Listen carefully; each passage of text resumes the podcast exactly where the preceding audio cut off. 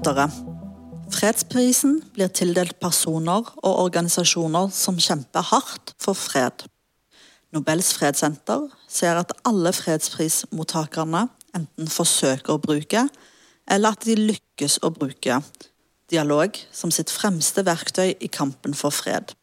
I dag skal vi snakke om hendelsene i Iran, som den siste tiden har ført til massive protester og sterke reaksjoner mot det sittende regimet.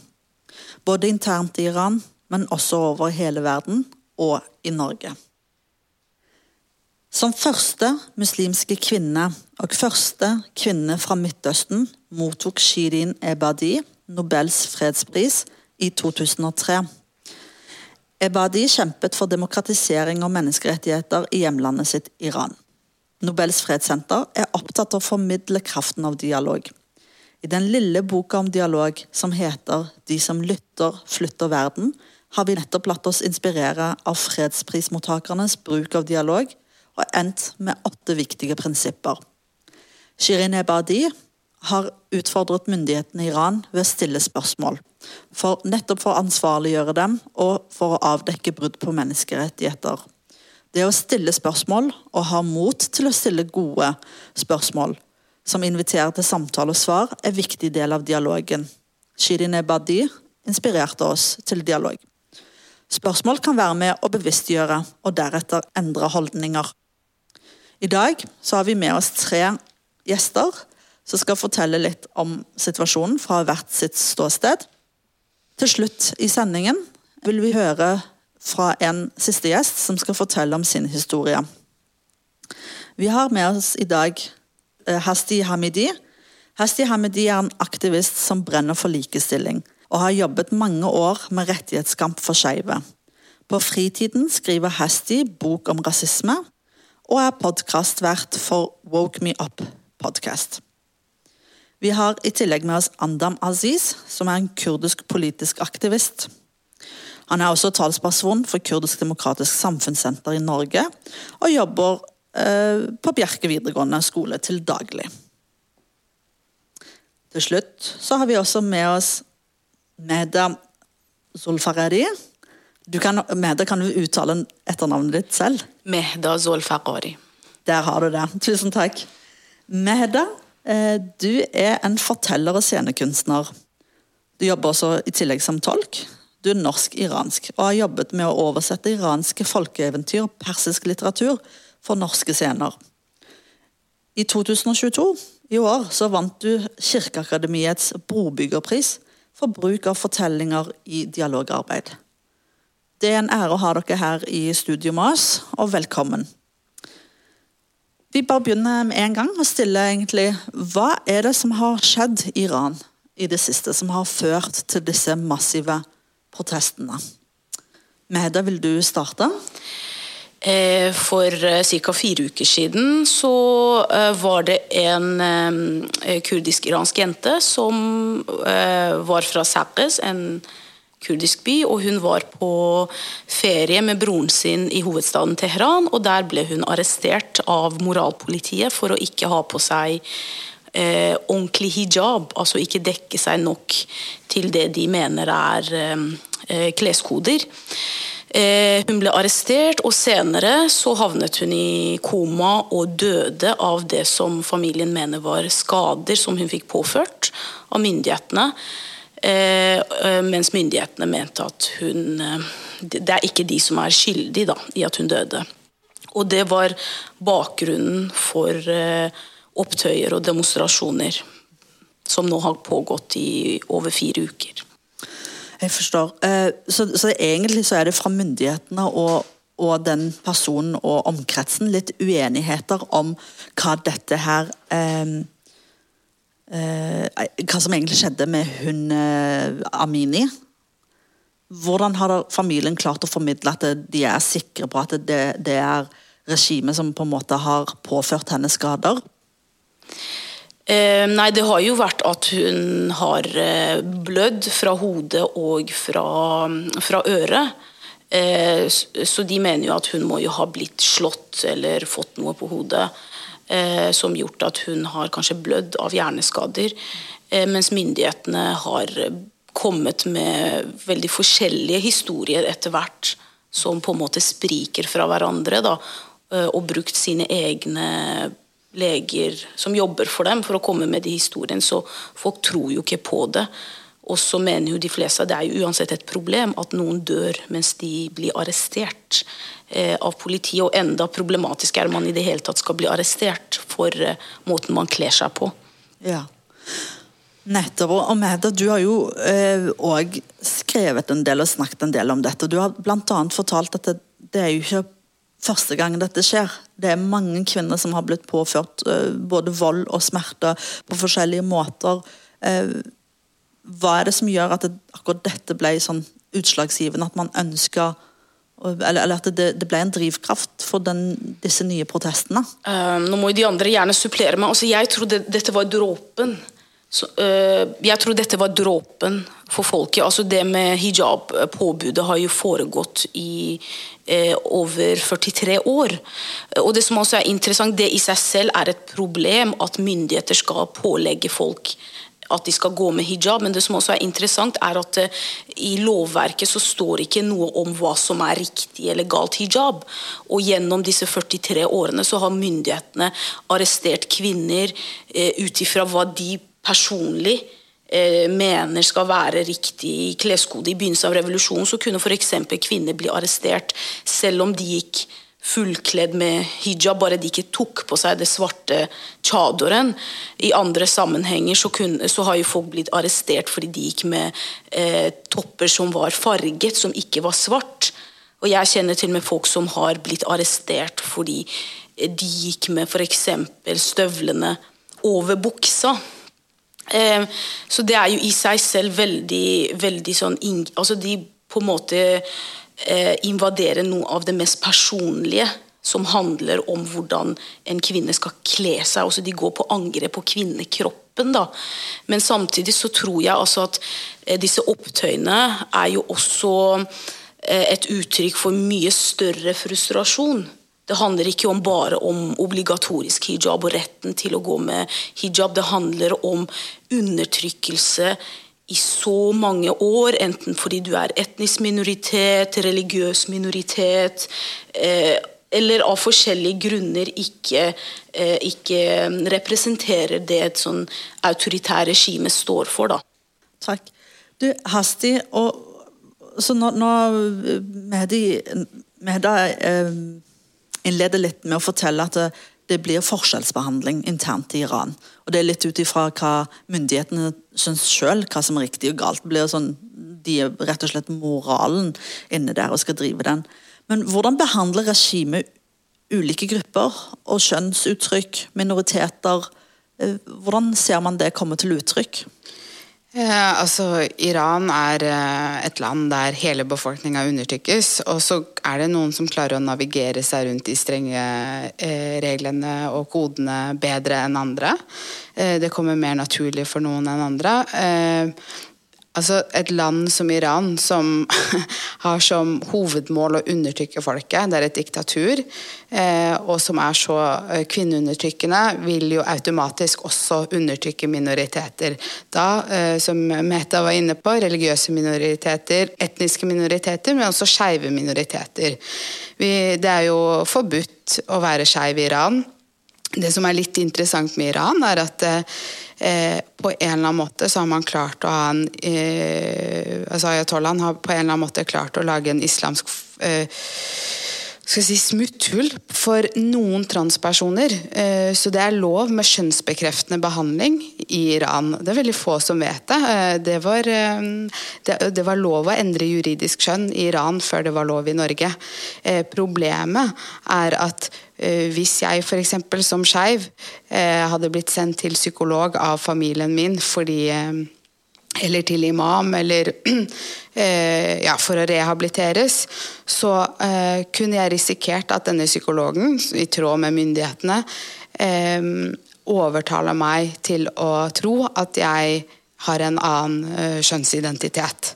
Eh, for det er en måte de kontrollerer skeive på. Vi har ingen skeive i Iran, men det å være trans det er en måte for dem å løse det problemet på.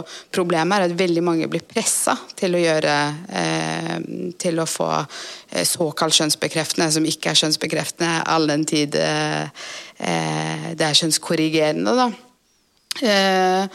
Men eh, det finnes jo flere eksempler på skeive som er dømt til døden. Akkurat nå så er det flere skeive som er eh, blitt dømt til døden for å ha snakka høyt om skeives rettigheter.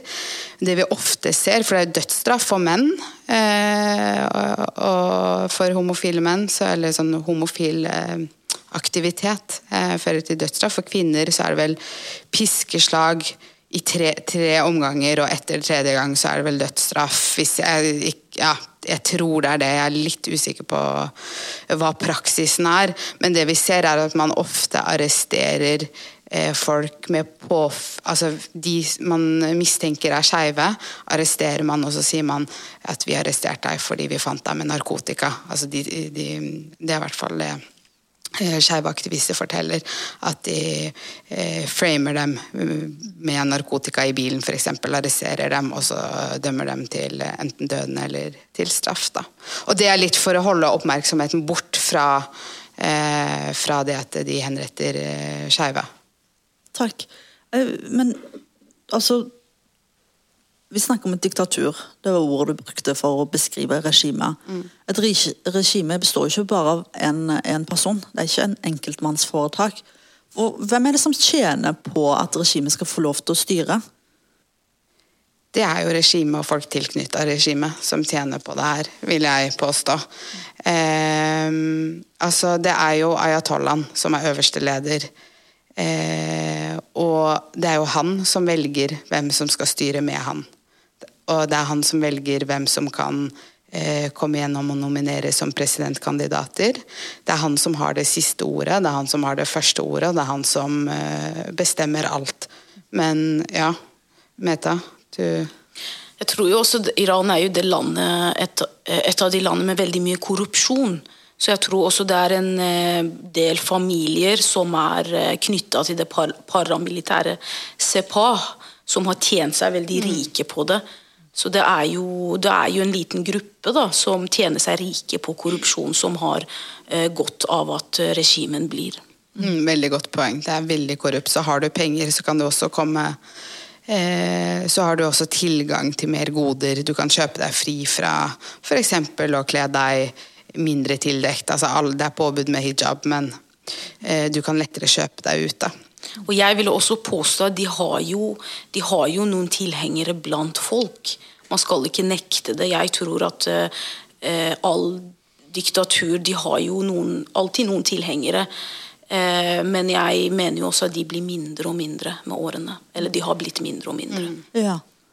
For Det man hører fra de som i hvert fall har et aktivt forhold til Iran, som reiser ned dit og slikt, det er at de forteller om ganske mye sånn underground-fester. altså Det er ikke synlige fester, men at de kan feste til fire-fem om natten. Det er både kvinner og menn. Kan være alkoholkonsumering. og Alt dette er jo uh, lovlig og ikke lovlig, altså gjennom myndighetene forbudt, uh, slik jeg har forstått det. Uh, Betaler de for å få lov til å holde disse festene? Eh, hvordan slipper de unna med det? Veldig mange betaler for å ha de festene, og så er det veldig mange som har de festene øh, skjult. Øh, som ikke betaler, men som hvis de risikerer å bli tatt, kan bli straffa ganske hardt. Også når det gjelder folk som blir arrestert av moralpolitiet pga. de strenge kleskodene, så, så, krever jo ofte moralpolitiet at familiene skal komme og betale mm. mot at de skal slippes fri, og de, de summene de bruker, er høye. og de, Jeg husker kusina mi en gang fortalte meg at de til og med hadde laget en liste av at hvis du har håret litt sånn ut, så skal du betale så mye. Hvis du har neglelakk, så skal du betale så mye.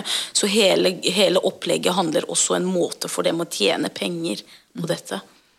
Og det En kontekst til disse protestene også er at eh, Iran har jo vært isolert en stund nå.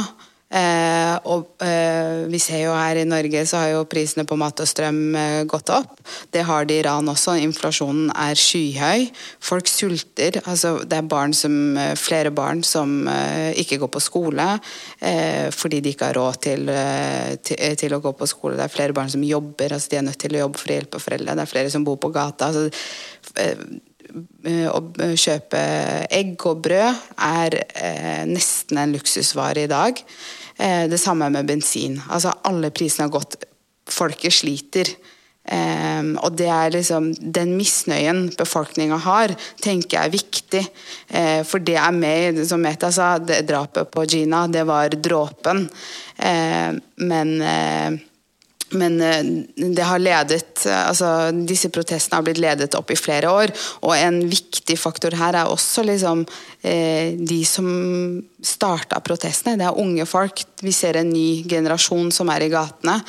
En ny generasjon som aldri har opplevd frihet. De har aldri eh, Og så kan man diskutere hvorvidt det var frihet under sjahen og alt det der, men det her er folk som alltid har levd under disse undertrykkene. Og mange av deres foreldre har også gjort det.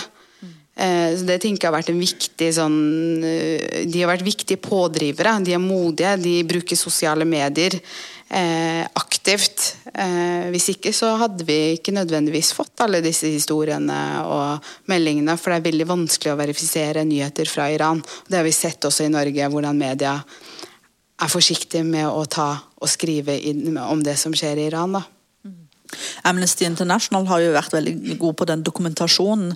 Men det er jo altså Vi har jo krig òg i Europa der det har vært veldig vanskelig. og Hvem er det som forteller sannheten, og på hvilken eh, hvem er det som tror på den sannheten som blir formidlet av hvem?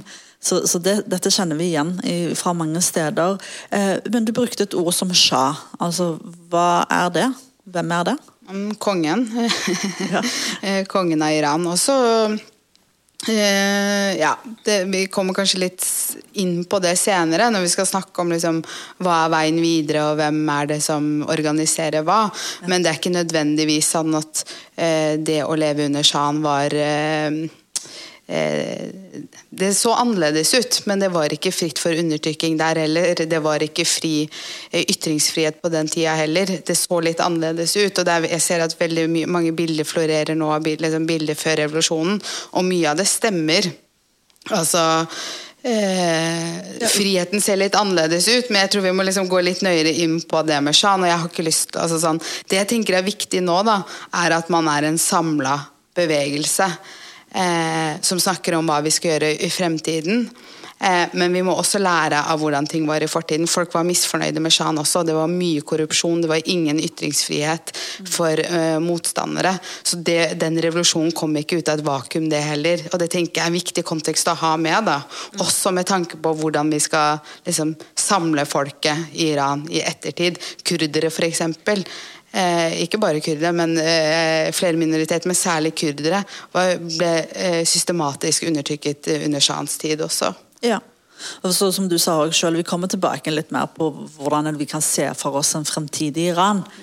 Eh, men eh, vi har jo skjønt eh, du har gitt mange eksempler på hva som er tillatt og ikke tillatt. og Vi snakker mye Det som kommer i hvert fall veldig tydeligst frem i media, dette er jo det med kleskodene og, og bruk av hijab og sånn. Og, og, så er det jo, eh, snakket du litt om det med kjønnsuttrykk og kjønnsidentitet, eller, eller skeive generelt sett. Um, hva annet er det som ikke er tillatt, som man tenker at det ville vært helt normalt? Er det noen eksempler dere kom på der? Altså alt. Det er nesten lettere å si liksom, hva er tillatt, da. Fordi akkurat nå så ser vi de, den, eh, det jeg mener er en massaker på universitetet i Sharif, eh, skjedde fordi eh, studentene ropte slagord. Altså det er ikke tillatt å rope slagord hvis det er imot eller kritisk mot regimet. Så det skal ikke så mye til. Altså, det er veldig få ting som er tillatt. Jeg vil jo også si at uh, kanskje det handler om at det ikke er noen klare regler på hva som er tillatt og ikke. ikke sant? Hvis du, for eksempel, altså det eksempelet jeg nevnte med hijab, altså det er jo problematisk at der eh, hijab er pålagt, men det står ikke noe i regelverket om at eh, hvordan en bra hijab skal være og hvor mye du skal dekke deg. Men det samme, jeg tror ikke det står noe i lovverket, iranske lovverket at du ikke skal ha lov til å demonstrere eller, eh, eller rope slagord, altså demonstrere på en fredelig måte. Så jeg tror også litt av problemet med Iran er rett og slett mangel på regelverk, eller at eh, autoritære regimer bare gjør ting uten å ta hensyn til noe lov eller ikke. De går bare ut ifra deres daglige ønske, på en måte. Ja, takk.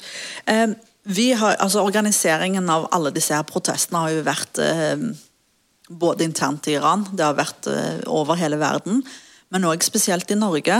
Eh, Andam, før du forteller litt mer om hvordan Du har jo vært en av de fremste som har eh, gått frem og organisert markeringene i Norge, og det vil vi gjerne høre litt mer om.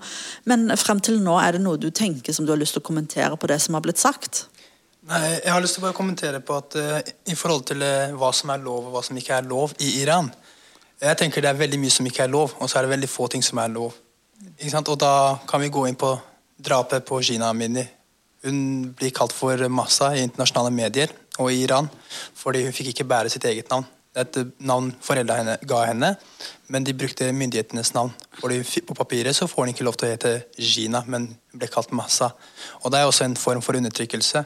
Og så vil jeg si at altså Gina var samlingspunktet for alle minoriteter og religiøse grupper i Iran som opplever undertrykkelse hver eneste dag. Altså, Kina ble på en måte hjertet av Iran. Uh, for, altså var, folk hadde fått nok med 43 år med undertrykkelse, og det kan være all form for undertrykkelse. Og når man samler alle disse tingene, så ble det Jeg vil kalle det at jeg tror jeg, vi nærmer oss en revolusjon i Iran. Og det er det som er veldig fint med det som skjer i Iran. Tidligere så har man, vi har hatt flere opprørere gjennom årene, men det, vi har vært splitta. Både kurdere har gjort det separert, perser, noen persere har gjort det separert, azerier har gjort det separert, eh, balutsjer også. Men nå gjør vi det alle sammen. Og det er det som er fint, og det er det som får regimet til å skjelve. De begynner å spre propaganda om at det er USA og Israel og de som står bak dette her. Men nei, det er faktisk ungdommer som står bak det her. Ungdommer som Hasti var innom på, som aldri har opplevd frihet. Og det, er, det må vi også skjønne. Og så vil jeg påpeke at det er ikke en kamp mot islam. 95% av de som demonstrerer i Iran, er muslimer. Så det er ikke en kamp mot islam, men det er en kamp mot all undertrykkelse i Iran som regimet begår hver eneste dag. Så det er det jeg ville påpeke. Ja, så, så, og så snakker jeg, for det er nettopp det Jeg husker jo også i min eh, studietid, det var, var det 15 år siden, så, så var det allerede altså, var det den hvite revolusjonen de kalte det? Det var ganske mye. Den grønne, eh, grønne revolusjonen. Den grønne revolusjonen, ja. ikke sant? Så, for det var jo et forsøk på eh, opptøyer som kan se ut sånn som i dag. Eh, men, men, du prater om at det, nå er det mye med bredere allianser internt i Iran. Vi kommer tilbake til det. fordi jeg, eh, la, la oss begynne litt med altså, organisering av markeringene i Norge. Hvordan har de vært? Andam, du har jo vært helt eh, en av de fremste personene på dette. Vil du fortelle litt om det? Ja, Det jeg kan si om det, er at det har faktisk vært veldig vanskelig. Men vi har klart å samles. vi har samla både kurdere, balutsjere, eh, arabere, azerier. Og de har alle deltatt med sine symboler og det de tror på, for å støtte først og fremst kvinnene i Iran som står i gata, men også for å støtte mangfoldet, og at vi alle er enige om at vi har fått nok av regimet i Iran. Altså 43 år med undertrykkelse er nok. Og Det er det vi har kommet eh, til enighet om, og det er det vi samarbeider om. Jeg skal være ærlig og si at Det har ikke vært lett. Det er mange som har sterke meninger om ulike ting og hvordan ting burde foregå. og sånt. Og vi har, vært, vi har vært veldig flinke til å lytte til alle, vil jeg si. Men om alle har fått det som de ønsker, det tror jeg ikke. Men noe, den dialogen må jo fortsette. For vi må huske på en ting, det her må man ikke drive egen politisk agenda for vi har noe viktigere foran oss. ikke sant? Hva som skjer i Iran. For når vi står her i gatene, Det er for å uh, skape lobbyvirksomhet for de som kjemper i Iran. For å vise solidaritet med de som kjemper i Iran. Til syvende og sist så er det de som står i fronten, og vi må være deres måte, representanter her i Norge og drive lobbyvirksomhet for dem og støtte deres kamp. Og Det er det som er vårt oppgave. Derfor er det ikke noe poeng å si at jeg er perser, du er kurder, ditten datten. Det, her, det, det spiller ingen rolle Målet må være at vi skal være solidariske med alle som kjemper mot regimet i Iran. Og Det er det på en måte også vært fokuset.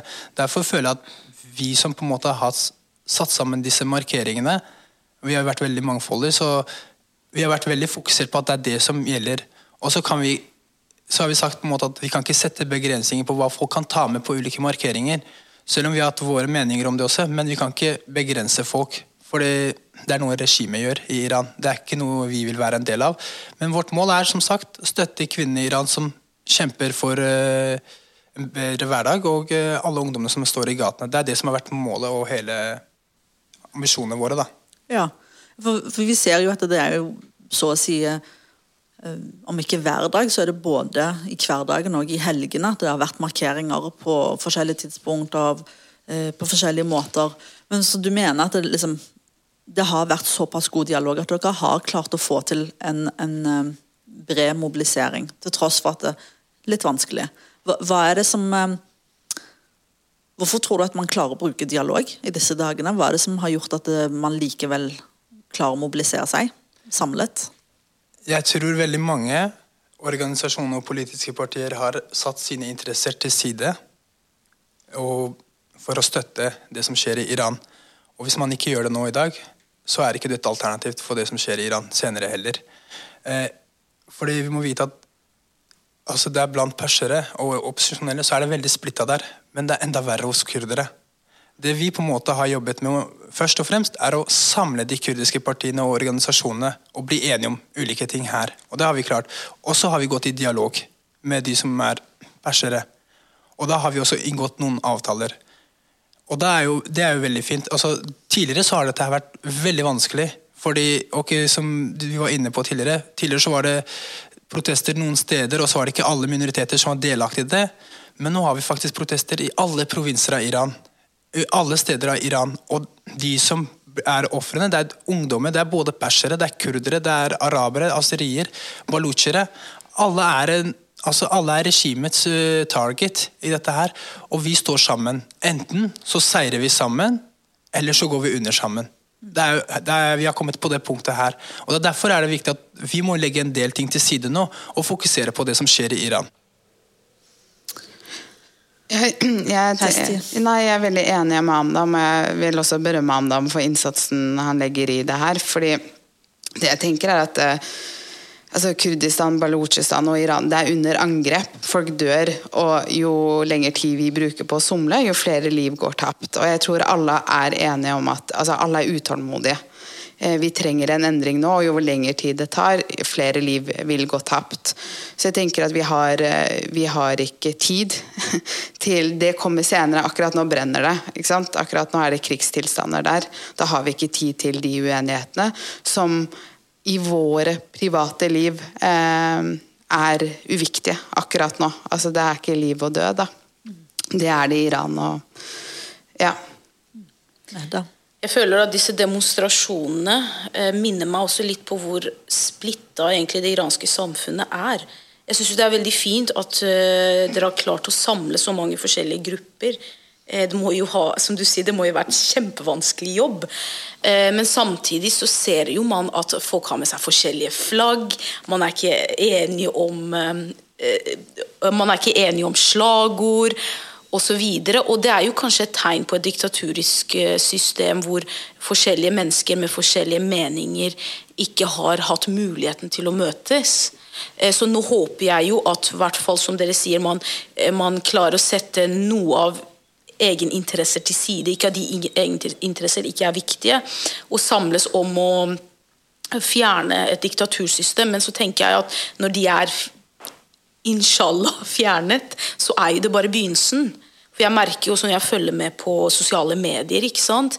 Eh, noen iranere, eh, spesielt persere, da, de, de, er jo veldig flinke til å påpeke den undertrykkelsen de selv eh, erfarer fra staten, men som majoritet i Iran, persere er jo en majoritet, så blir de litt blinde for sin egen majoritetsposisjon. Så jeg håper jo at eh, når regimene er fjernet, at man også eh, prøver å se på det interseksjonelle. Da. At man kanskje har vært undertrykket. Jeg selv kommer jo fra en familie som både er persisktalende og sjiamuslimer, og vi har jo også blitt undertrykket. Men det å på en måte anerkjenne at kanskje noen som i tillegg er etnisk minoritet, som i tillegg er religiøs minoritet eller ikke troende, de, de Eh, opplever flere former for undertrykkelse. Jeg tror Hvis man ikke klarer å gjøre det, som en majoritet i det iranske samfunnet, så kommer man ikke videre. Mm, jeg er enig, og jeg tenker at det, det blir ofte sagt at Iran er et liksom, lappeteppe av ulike minoriteter. og jeg vil bare la det være klart da, at den splittelsen som har vært eh, i Iran i over 43 år, men eh, også under Shahens tid, det er målretta tiltak fra regimet regimet gagner på at det er splittelse i samfunnet. Og Det tenker jeg er viktig at det her har vært propaganda fra regimet i alle år, hvor de eh, aktivt eh, lager et hierarki og setter grupper opp mot hverandre. Og Det, det har man jo liksom eksempler fra i andre eh, diktat, eh, diktaturland også, hvor man, et samla folk er det farligste for eh, diktaturet. Det er liksom det som vil få dem til å falle. da. Jeg vil jo si også, som Hasti også var inne på, altså, er jo, Iran er jo veldig splitta på mange måter for mange minoriteter. Men jeg, også det var jo en av grunnene til også at regimet faktisk bombet opposisjonelle, kurdiske opposisjonelle i Irak. For å lage enda mer splittelse, for å fremme kurdisk nasjonalisme i protestene. For å fremme hat mot etniske persere. Men samtidig så tenker jeg at vi må faktisk bruke det mangfoldige mot regimet. Hvis man klarer å bruke mangfoldet mot regimet, så har man kommet veldig langt. Og det fins eksempler på det. Vi har jo klart det inntil nå. Hvorfor skal vi ikke fortsette med det, bare? Og det er jo det, er det på en måte regimet ønsker. Splittelse. Men vi må bare faktisk være flinke til å samle oss enda mer og legge som sagt, våre personlige interesser til side, politiske interesser til side, og være faktisk sammen mot regimet. Og det er sånn vi kan vinne. Ja, altså så jeg forstod det, altså, Når du sier at eh, altså, Iran har vært og bomba i Irak, eh, opposisjoner som befinner seg i eksil eh, i Iran eh, Hvordan kan de slippe unna med slike ting? Å krysse og bombe andre land på den måten? Hvorfor er det ikke sterke reaksjoner? En ting det er for at eh, Iran er egentlig regional stormakt i Midtøsten. Det er ingen hemmelighet. Også de som på en måte styrer Irak i dag. Det er både USA og Iran som styrer Irak sammen. Så det er, irakere styrer ikke Irak. Det er USA sammen med Iran som har makten. I går så ble det presidentvalg i Irak. Iranerne som fikk velge presidenten i Irak. Det var deres uh, Shia-tilknyttede militser som valgte presidenten. Og sånn så vil jeg si at Iran har enorm innflytelse over Irak. Enorm et, mye etterretning. Og ja, Hvorfor internasjonale stater ikke reagerer mot det, her, det handler om økonomiske interesser, egne interesser. Selv om det har vært massivt press fra mediene. Men det har ikke vært nok. Altså, det har ikke vært, Øh, Fordømmelsen har ikke vært nok, og det internasjonale samfunnet er litt passiv. Jeg tror de er veldig opptatt med det som skjer i Ukraina per dags dato, at Iran blir litt glemt i dette her. da. Ja, altså jeg tenker jo Egentlig så er det bare formidabelt at de har fått så mye oppmerksomhet som de har gjort med, i lysvann av øh, Ukraina. så det, det, er jo vært mye markering og støtte her også, men uh, det er jo enkelte ting som ikke kommer godt nok fram. Dere, Jeg skal lese slagordet som har kommet opp i disse store demonstrasjonene. Eh, Jian Azadi. Kan noen oversette det til norsk? Og hva betyr det, og hvor kommer dette fra? Eh, Jin Azadi betyr kvinne, livet, frihet. Eh, og det slagordet ble brukt av den kurdiske bevegelsen som formet seg på nytt da de begynte å involvere kurdiske kvinnelige gerilja i kampen for eh, et fritt Kurdistan. Eh, men vi kan si at den kurdiske lederen rammet disse slagordene, men det var kurdiske kvinner som har utformet hele ideologien om Jinjian Azadi. Og dette her, Vi har kommet til et punkt der vi er enige om at et samfunn kan ikke frigjøres uten kvinners frigjøring. Det er det den kurdiske bevegelsen tror på. Og det er derfor kvinnene startet med det slagordet. Og så så vi det i praksis i Nordøst-Syria, i Rojava som vi kaller det. Der var de kvinnene framme i kampen mot IS, og de sto i fronten. De kjempet både militært, politisk, og så i tillegg bygget de samfunnet sitt. Og i dag så ser vi resultatet av det. Det er et mangfoldig Nordøst-Syria. Det er et eh, eh, samfunn som baserer seg på at det er kvinnefrigjøring, og at kvinner er med å ta beslutninger i alle ledd, både politisk, økonomisk og strategisk. Så disse tingene, altså For oss så er ikke dette her bare et slagord, det er faktisk praksis. Og når vi sier Jinjian Azadi, så mener vi det. Og fordi må huske at kurdisk eh, kultur og samfunn har jo vært preget av stammementalitet. Ikke sant? Det har vært eh, preget av patriarkatet. Det fins fortsatt. Det fins fortsatt. Men det det kjemper, den strukturen kjemper vi mot hvert eneste dag, fordi det er kvinneuntrykkende. Og det er den vi må også bli bedre på. Fordi hvis vi ikke får kvinnefrigjøring i Kurdistan og alle andre steder i verden, så kan vi ikke få fred heller. Vi kan ikke få et bedre samfunn heller. Mm. Og det er det Jinjian Azadi kommer fra. Altså, så jeg skjønner jeg skjønner at det har kommet liksom hele veien ifra altså kurdere i Syria, Irak Det, det er liksom nå veldig sterkt for alle, ikke bare kurder, men alle eh, i hele Iran. Både menn og kvinner. Så det har gått veldig veldig bredt. Eh, kvinne, livet, frihet. Eh, og så lurer jeg på, da ja, Du har et Jeg tror Andam er inne på noe veldig viktig her. Jeg tror kjernen i all frigjøringskamp handler om eh, altså først og fremst kvinners, men også barns rettigheter. Det må starte i familien.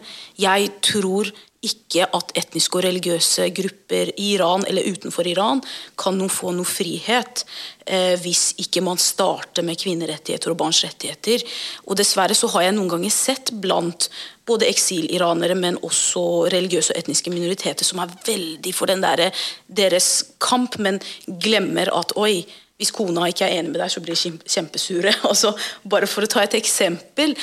Så, så, jeg tenker det er kanskje kjernen av noe. Og så er jo det, Hvis man skal tenke framtid, så tenker man hva er den beste løsningen? Jeg har, personlig har ikke noe eh, fasitsvar, men jeg tenker at det som gir størst eh, form for selvstyre til eh, altså etniske og religiøse minoriteter, samtidig som de kan delta i en sånn felles eh, regjering da, hvor alle er representert. Men samtidig så er jeg litt bekymret at eh, selvstyret kan også eh, være med å redusere barn og kvinners rettigheter. Og Nå bruker jeg USA som et eksempel som er ganske annerledes, men det er et føydalt system. Hvor f.eks. i noen stater så er det lov med abort, i andre ikke. Så jeg er veldig, veldig opptatt av hva slags styreform som fører ikke bare til større frihet og selvstyre for etniske og religiøse minoriteter, men hva som også fører til større eh, kvinnerettigheter. At eh, barn og kvinners rettigheter skal ikke være styrt av hvert etnisk gruppe for seg. Det skal være et felleslov og nasjonalt lov. Mm. Ja, jeg tenker at vi er, ja, vi er, absolutt inne på noe viktig her. og det er eh, det har vi kanskje snakka litt mindre om, selv om det har vært underforstått for oss som sitter her, så er det, det er en feministisk eh, det jeg vil kalle revolusjon eh, som pågår her. Eh, som jeg tenker også er avgjørende. Og man må også se på hvem er det som straffes hardest. Så hvis du som en kvinne i Teheran, som vi ser mye, mange videoer, eh, går uten hijab, velger å legge den fra deg, så er du synlig, og det er eh, mye farligere enn hvis du da eh, ser en eh, mann gå på gata, som også er tilknytta demonstrasjonene. fordi man ser ikke den forskjellen. Det er jo ikke, det er veldig synlig på de som Det å ta av seg hijaben er et veldig synlig, aktiv uttrykk da, akkurat nå. Og så har vi jo sett, for det tenker jeg også er litt greit å snakke om, for vi har sett at veldig mange kvinner klipper håret i solidaritet, både i Iran og utenfor. og Uh, og så er det mange som har spilt, stilt spørsmål om hvorfor kvinner har gjort det. Uh, og så tenker jeg Hår uh, har hatt en stor symbolverdi i Iran, og i noen deler av landet så klipper kvinner faktisk av seg håret når en helt eller en, et familiemedlem blir Eller en som blir ansett som viktig, dør. og så har langt hår også kulturelt, kulturelt sett symbolisert noe som attraktivt og feminint. da og det handler egentlig om en kamp, eh, som også Meta var litt inne på med USA, men det handler om en kamp kvinner kjemper i hele verden om å rett og slett ha råderett over egen kropp og eget uttrykk. Eh, så Iran har hijab-påbudet. Det har blitt brukt som ett av flere midler for å undertrykke kvinner i over 43 år. Og ved å klippe håret så tar kvinner tilbake råderett over eget hår. Um, og de nekter å være med på regimets premiss og for hvordan de skal leve livet sitt. Og så tenker jeg at Kvinner har lenge før Gina og Mini, blitt drept. De har blitt fengslet, de har fått bøter for å vise hud og hår. Eh, og et eksempel på symbolikken av hår, som jeg syns er et sterkt bilde, det er fra en video som viser en søster til en ung mann som ble drept av regimet fordi han protesterte. Hun klipper av seg håret ved graven til broren sin. Eh og hver kvinne representerer en historie med kvinneundertrykkelse. Så det er, det en veldig sånn, viktig symbolverdi eh, i det som skjer eh, ved å klippe håret. Man gidder ikke å være en del av det premisset og det patriarkalske uttrykket for hva en kvinne skal være. da råderett over egen kropp. Men så, så, Da snakker vi om altså For å gå inn litt mer på det som vi da prater om. Uh, vi snakker om uh, kvinner som kjempet mot uh, IS, som var muslimer. dette er også et teokratisk system basert på islam. Vi snakker om påbudt av, av hijab. Og under disse fire ukene så har det vært masse drap på kvinner òg i Afghanistan. Mm. Eh, og der òg under en Taliban-regime. Handler dette om kvinnesynet spesifikt? Er dette et oppgjør mot islam?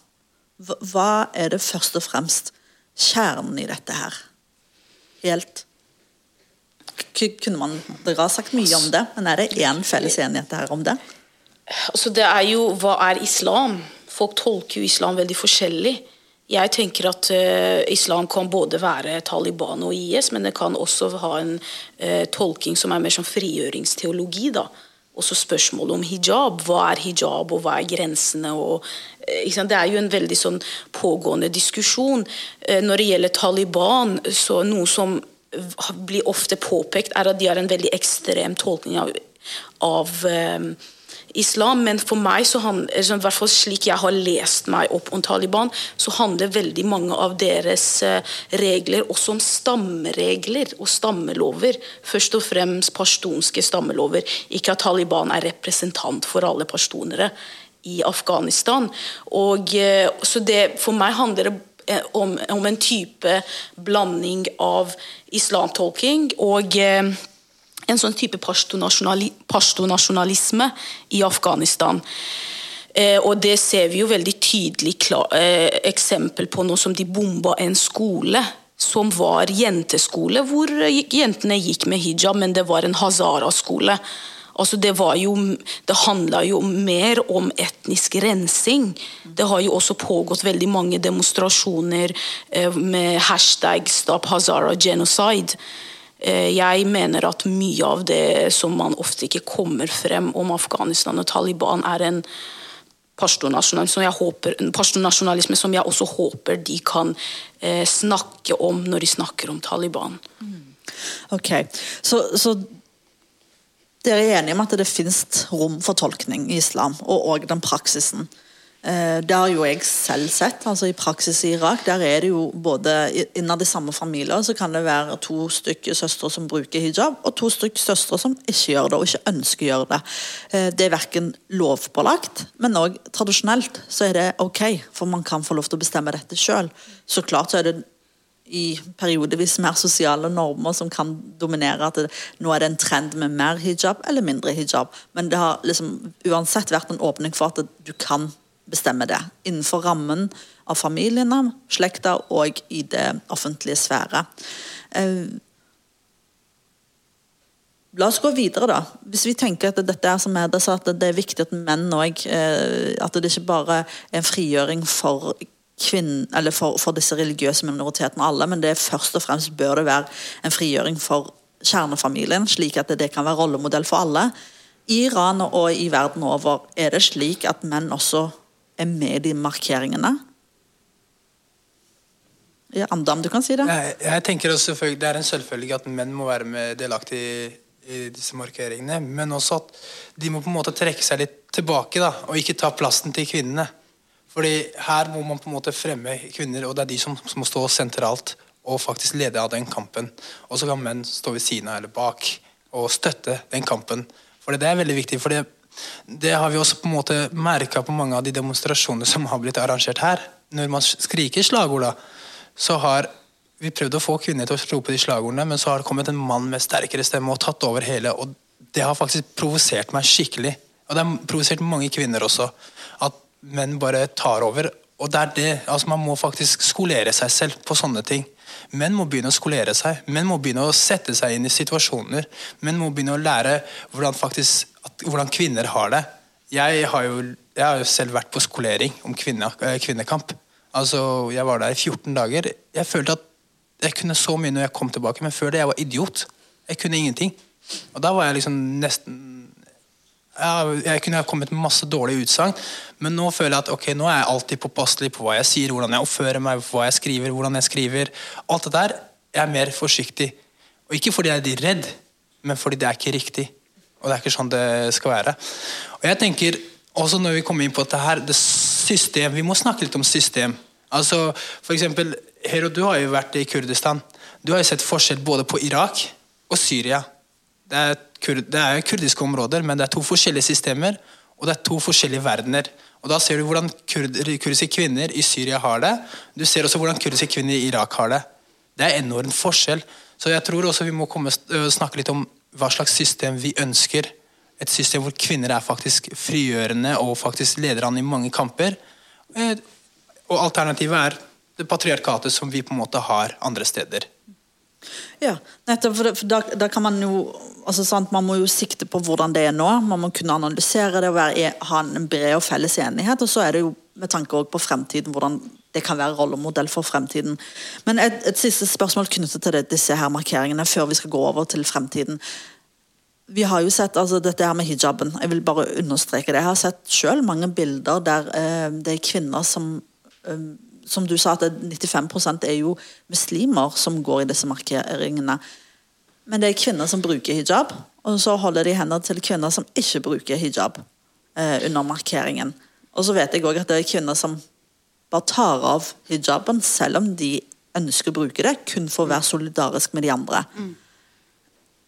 Er det et riktig bilde? Er vi kommet dit hen at dette er så bredt og omfattende at det, man ønsker virkelig en endring? Jeg vil påstå uh, at det er et riktig bilde, eller det er det inntrykket jeg også har. Uh, og det igjen da, som jeg var inne på i sted, handler mye om råderett over egen kropp. Og vi ser jo sant, det motsatte, eller det motsatte er jo egentlig det samme, ser vi i flere europeiske land hvor det diskuteres påbud uh, mot å bære hijab, som også er en form for for å frata kvinner råderett over eget liv. og jeg tenker at Det samme ser vi her også, at det er kvinner både med og uten hijab som står side ved side eh, ved eh, når disse temaene, når disse påbudene diskuteres. Og det er avgjørende at vi er solidariske. Det handler om det samme. Det handler om å ha råderett over eget liv. Og så er det mer sammensatt, det er mer komplekst, det er geopolitikk, det er veldig mye som skjer.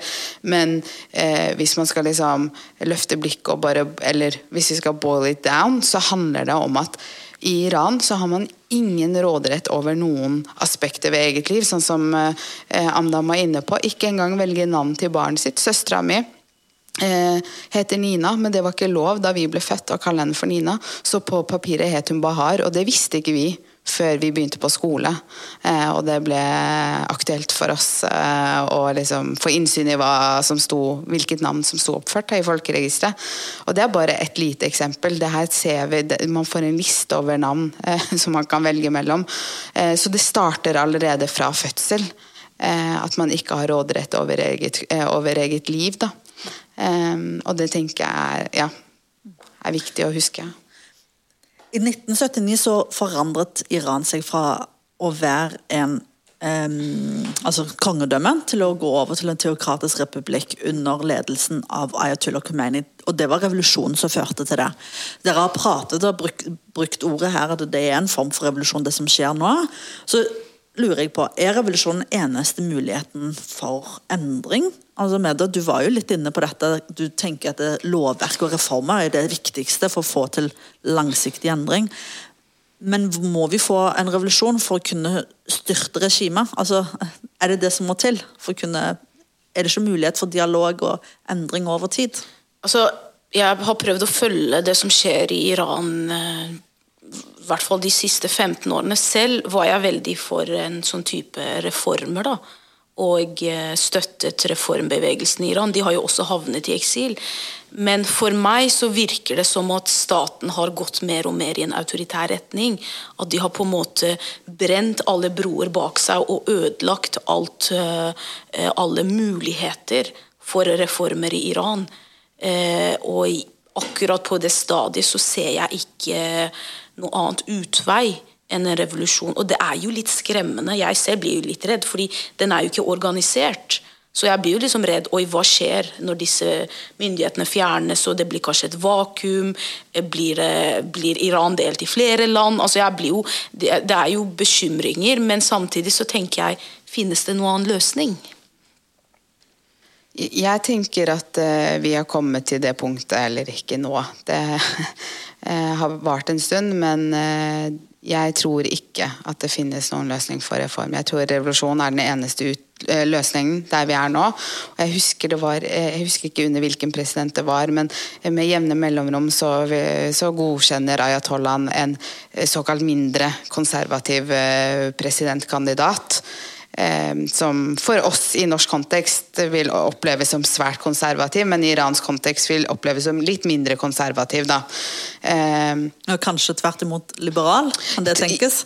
For noen vil det kanskje oppleves sånn, ja. Men jeg husker da var det en av de som eh, gjorde eh, jeg, er litt usikker, men det er kanskje ti år siden sånt nå, som gjorde det tillatt for kvinner eller syv år siden, så gjorde det tillatt for kvinner å sykle tror jeg det var. Mm. Og da gikk jeg til mamma, og så ble jeg så glad. bare, ja, Nå kan kvinner sykle. Eh, og da Jeg syns det mamma sa var veldig fint, at det her er jo sånn de gjør med jevne mellomrom for å gi befolkninga en falsk følelse av frihet. Og når utgangspunktet er så dårlig, så, så velger man liksom å feire de små eh, seirene som egentlig ikke er seire, fordi strukturen fortsatt undertrykker. Um, og da sa mamma at liksom, man kan velge mellom feber eller døden. Da velger man feber. Da velger man liksom, den eh, kandidaten som er minst konservativ. Og jeg tenker at akkurat nå så er det ingen vei tilbake. Og det jeg ønsker for Iran, og det jeg tror veldig mange Iran ønsker, er et demokrati. Og så er det ikke opp til meg som har vokst opp utenfor Norge å avgjøre hva som er best. Men totalt fravær av demokrati kan ikke reformeres. Eh, det er ikke jeg, jeg, har null tro på at det kan reformeres. Nei, Jeg er helt enig eh, med det begge to sa. Og jeg tenker at eh, vi har kommet til et punkt hvor vi må faktisk tenke litt annerledes og tenke noe nytt. For det historiske erfaring så har ingen reformer vært vellykket. Får man litt reform på en ting, så vil man ha mer frihet. Og det er sånn i menneskers natur. Så enkelt er det. Men jeg tenker også vi må tenke på litt gå vekk fra den sentraliseringen, men gå heller mer til desentralisering av samfunnet. Og Det er på den måten der man kan få et bedre samfunn. Så jeg tenker at, som de begge var innledningsvis på, at vi, vi faktisk vi trenger en revolusjon i Iran, dessverre. Ingen ønsker at Iran skal oppleve det samme som Syria opplever i dag. Det er ingen som ønsker det, verken kurdere eh, og de andre minoritetene, og ikke persere. Ingen ønsker det. Men vi har kommet til et punkt at det er kanskje det som må til at vi trenger en revolusjon for å faktisk fjerne regimet. For regimet vil ikke gå av frivillig. Og reformer er eh, helt utelukket, virker det som. Og da må man få en revolusjon. Altså I Norge så er det jo veldig mange eh, og ikke-iranere, altså både norsk-iranere og ikke-iranere helt norske, hvem som helst, har vært veldig solidarisk med disse markeringene. og Det er egentlig verden over. Jeg har sett bilder fra både kvinner og menn i, som protesterer i alt fra Japan til eh, Brasil til eh, ja, Midtøsten osv. Her i Norge så hadde vi jo stortingspresident Masud Gharahani, som selv har bakgrunn fra Iran. Han sammenligna Irans regime med et diktatur og støtta oppgjørene. Han gjorde det offentlig på Twitter. Du har òg Erna Solberg, som gikk ut og, og, og skrev offentlig om, om, sin støtte til dette. Og flere andre politikere har møtt opp eh, uten, utenfor Stortinget i disse markeringene. Men når Gharahkhani gikk ut og sa det han sa, så ble den norske ambassadøren kalt inn på teppet for å forklare seg. De mente bl.a. at eh, nå driver norske offentlige og blander seg inn med interne forhold. Eh, det var mye mer eksemplifisert med han, som har iransk bakgrunn, enn f.eks. andre norske. Så da er spørsmålet mitt er det slik at solidaritet setter oss og dere i fare, og på hvilken måte, spesielt når det gjelder Iran? Hvordan kommer det til uttrykk? Ja, jeg, jeg tenker ja, det gjør det. Eh, vi tre som sitter her, eh, har eh, og blir overvåka av etterretning, iransk etterretning som holder til i Norge. Eh, vi jobber med å avdekke noe. Eh, vi kan, ingen av oss kan reise til Iran etter at vi er ute. Bare det å snakke i denne podkasten eh, utgjør en risiko for oss å reise til Iran. Ikke at det er et sted man er, altså Man er jo fraråda for all reise, men det set, kan jo potensielt sette familien våre og våre støttespillere i Iran i fare også. Eh, jeg tenker at det er viktig at PST her er oppmerksom på den spionasjen som også, eller den overvåkinga som også skjer av aktivister og eksiliranere, og ikke kun den som skjer eh, altså den eh, spionasjen som skjer eh, på altså av regjeringsmedlemmer og av myndighetsarbeid da, i Norge. Så jeg tenker absolutt at solidaritetsarbeid er eh, risiko. Men altså, jeg er ikke redd. Jeg tror ikke noen av oss er redd altså, Det vil ikke ha store konsekvenser i vår hverdag, annet enn at vi eh, må være forsiktige for å ikke avsløre eh, detaljer som kan sette våre kamerater og familiemedlemmer i Iran i fare.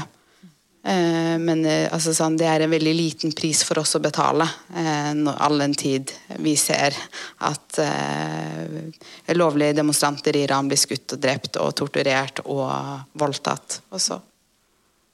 Så endring verden over har aldri vært lett. Det har ofte vært veldig vanskelige prosesser involvert, men nødvendig. Både med solidariteten internt og eksternt. Jeg vil takke dere så mye for at dere kom i dag, og nettopp pga. det siste som vi tok opp nå. At jeg vet det koster dere litt å være til stede her. Men eh, dess viktigere å høre det fra dere, som har så mye innsikt i både interne og eksterne forhold i Iran. Så tusen takk for at dere kom, og vi ønsker dere lykke til videre med markeringene, og håper på en ikke-voldelig reaksjon fra myndighetene framover, som er veldig viktig. Mitt navn er Shlo og jeg leder denne samtalen i dag. Etter at disse tre gjestene vil gå nå, så vil vi høre om historien til Fatme Ektesadi. Hun er poet, redaktør, menneskerettighetsaktivist og jordmor fra Iran. I 2015 flyktet Fatme fra Iran etter å ha blitt dømt til 99 piskeslag og 11,5 års fengsel. Fatme lever i eksil i Norge og er medlem i organisasjonen Icorn. Det er et internasjonalt nettverk av byer som gir tilflukt til artister, forfattere, journalister og andre som trenger det. Fatme vil selv fortelle sin historie på engelsk. Takk fra min side.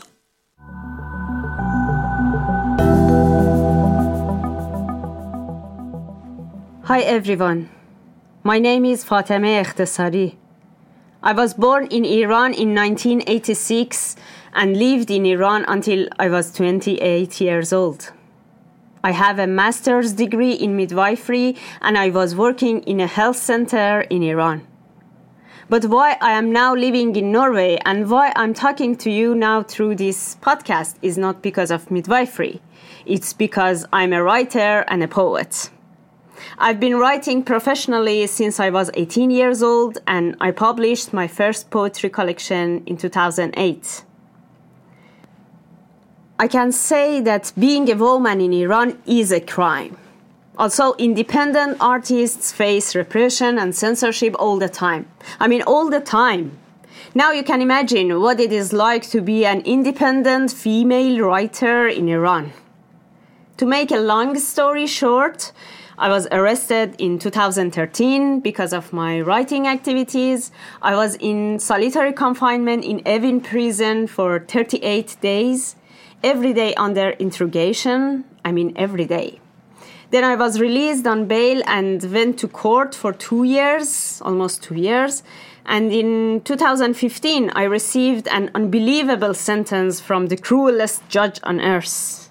11 and a half years in prison and 99 lashes just for being a female writer. I had to go back to the prison in a short time and, uh, and take the whips first, of course. Uh, this is where I try to find a way to escape. Illegal, of course. I escaped from Iran with the help of smugglers and through the borders. And after a very long journey, I arrived in Turkey and got support from UNHCR as a refugee. At the same time, I applied for a residency from the ICORN organization. ICORN is an organization to help artists in danger to find a safe place uh, to live. After living in Turkey for a year and a half, uh, I received a letter from ICORN inviting me to Norway. In 2017, I came to Norway as a guest writer, fribyforfatter, and settled in Lillehammer. I still live in Lillehammer. The Iranian regime tries to control society, and it does it through the control of women. They control the bodies of women, they control their roles at the house, their space in society in many ways. And everyone has to live with the thoughts and actions dictated by the regime. And even the constitution of Iran is based on Islamic law, in which women's rights are lost. In this situation, if a woman wants to live in a normal life and achieve her basic rights, I mean basic rights, she faces oppressions, as it happened to me. And even if you talk about these issues, if you write about, if you somehow somehow show this normal life in your works, especially poems, you will face more repressions because you influence more people and inform them, as it uh, happened to me and as I did. In 2013 and before that prison and sentence and escape that i told you i traveled to sweden for a literary festival at that time i experienced arrest and interrogation once before because of my first book and in sweden everyone told me don't return back to iran but i came back because iran is a place i love and i have made memories with its streets and people I want to do that again. But I want a free Iran, a country where you can make good memories. I hope, I hope my brothers and sisters in Iran can force the dictatorial regime to leave this beautiful country. Just leave. Jeg skal lese et dikt fra min nye diktsamling som heter Hun er ikke kvinne. Dessverre leser jeg ikke den norske oversettelse av den nå, men jeg inviterer dere til min boklanseringen i 3. november på Grunluca Deichman-biblioteket. زن نیست یک بنفش یواش است و یک سکوت گوشخراش است معجون ناامیدی و کاش است در گیجی زمیر خداگاه زن نیست مرد نیست عجیب است. یک آرزوی روی صلیب است. یک مشت سنگ داخل جیب است. افتاده یک شب از وسط ماه. زن مرد نیست جنسیتش باد. فعلی است بین پا شد و افتاد. قول است از چراغ خدازاد و حبس مانده داخل یک چاه. رد کرده مرزهای بدن را جرداد پیش فرض شدن را کوتاه کرده سایه زن را از پشت پای یک من خودخواه. بیگانه نیست مال زمین است مشکوک نیست عین یقین است از هر تماس سر زده مین است پنهان شده است در وسط راه. یک پرتگاه در ته دنیاست. آتش فشان داخل دریاست. یک گور دست جمعی تنهاست. یک شعر منتهی شده به آه. فور